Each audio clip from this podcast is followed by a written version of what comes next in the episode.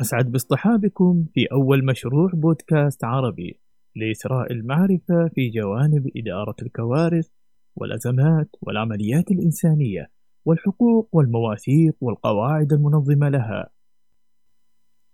يعده ويقدمه لكم يحيى الدغريري.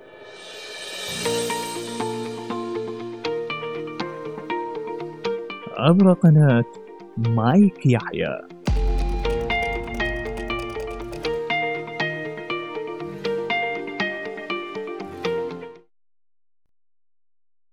ما هو القانون الدولي الإنساني؟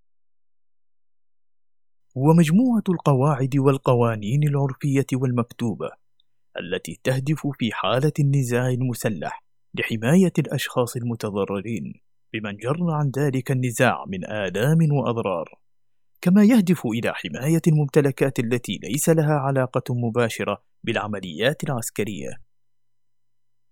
إلى ماذا يهدف القانون الدولي الإنساني؟ يهدف القانون الدولي الإنساني إلى حماية الإنسان من ويلات الحروب وآثارها المدمرة وخاصة حماية الأشخاص الذين أصبحوا عاجزين عن القتال من جرحى ومرضى والأشخاص الذين لا يشاركون مباشرة في العمليات العسكرية كالمدنيين والفرق الطبية وعمال الإغاثة والخدمات الإنسانية. مما ينجم عن ذلك النزاع من آلام وأضرار كما يهدف إلى حماية الممتلكات التي ليس لها علاقة مباشرة بالعمليات العسكرية والحد من وسائل وطرق القتال المستخدمة ووضع قيود عليها. هل يستطيع القانون الدولي الإنساني منع اندلاع الحروب؟ لا يستطيع القانون الدولي الإنساني منع الحروب من الاندلاع، ولكنه يسعى في حال اندلاعها إلى الحد من ويلاتها وآثارها المدمرة من خلال تنظيمها وتحديد وتقنين ما هو مباح أو ممنوع وجعلها أكثر احتراما لإنسانية بني البشر المنخرطين فيها بغض النظر عن جنسياتهم وأجناسهم هل القانون الدولي الإنساني حديث النشأة؟ القانون الدولي الإنساني متجذر في قواعد الأديان والحضارات منذ القدم حيث كانت الحرب تخضع دائما لبعض المبادئ والأعراف والتقاليد التي تحكم الأطراف المتنازعة ولكن تدوينه بالشكل المعروف حاليا بدأ حديثا متى بدأ تدوين القانون الدولي الإنساني؟ بدأ التدوين العالمي للقانون الدولي الإنساني في القرن التاسع عشر استنادا إلى التجارب المريرة التي مر بها العالم من حروب قاسية. فبدأت نشأة القانون الدولي الإنساني بعد معركة سيلفرينو التي وقعت بمقاطعة لومبارديا بإيطاليا. بين القوات النمساوية من جانب وقوات فرنسا وسردينيا من جانب آخر. والتي خلفت خسائر بشرية هائلة من القتلى والجرحى الذين لقوا حتفهم نتيجة للقصور في الخدمات الطبية. وسطر هذه المعركة المواطن السويسري هنري دونان في كتابه تذكار سيلفرينو الذي هز وجدان العالم لما جاء فيه من أحداث مروعة. ودعا دونان في نهاية كتابه إلى إعداد فرق إغاثة طبية حيادية وقت السلم لتقديم الحد الأدنى من الخدمات الطبية وقت الحرب. وانضم إليه أربعة مواطنون من سويسرا ليشكلوا اللجنة الخماسية والتي عرفت فيما بعد باللجنة الدولية للصليب الأحمر.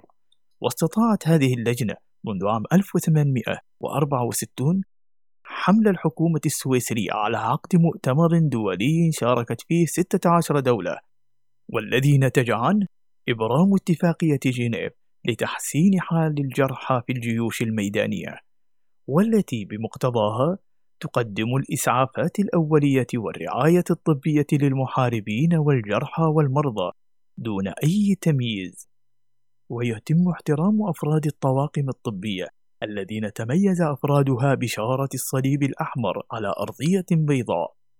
وكانت هذه الخطوة الأولى لتدوين القانون الدولي الإنساني والتي تلاها عدة اتفاقيات دولية. كان أهمها اتفاقيات جنيف الأربعة لعام 1949 والبروتوكولان الإضافيان لعام 1977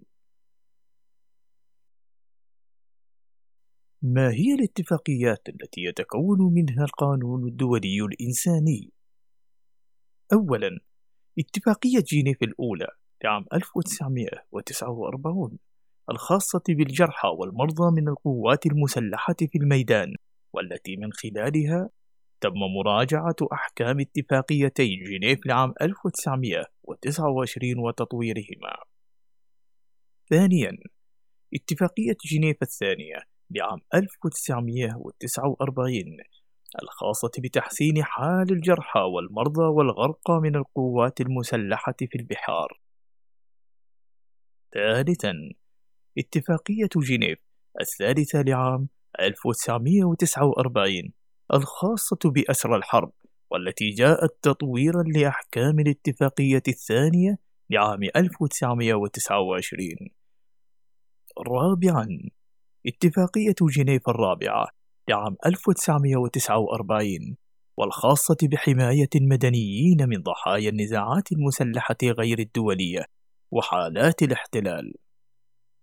وأهم ما جاء في هذه الاتفاقيات الأربعة المادة الثالثة المشتركة والمتعلقة بحماية ضحايا النزاعات المسلحة.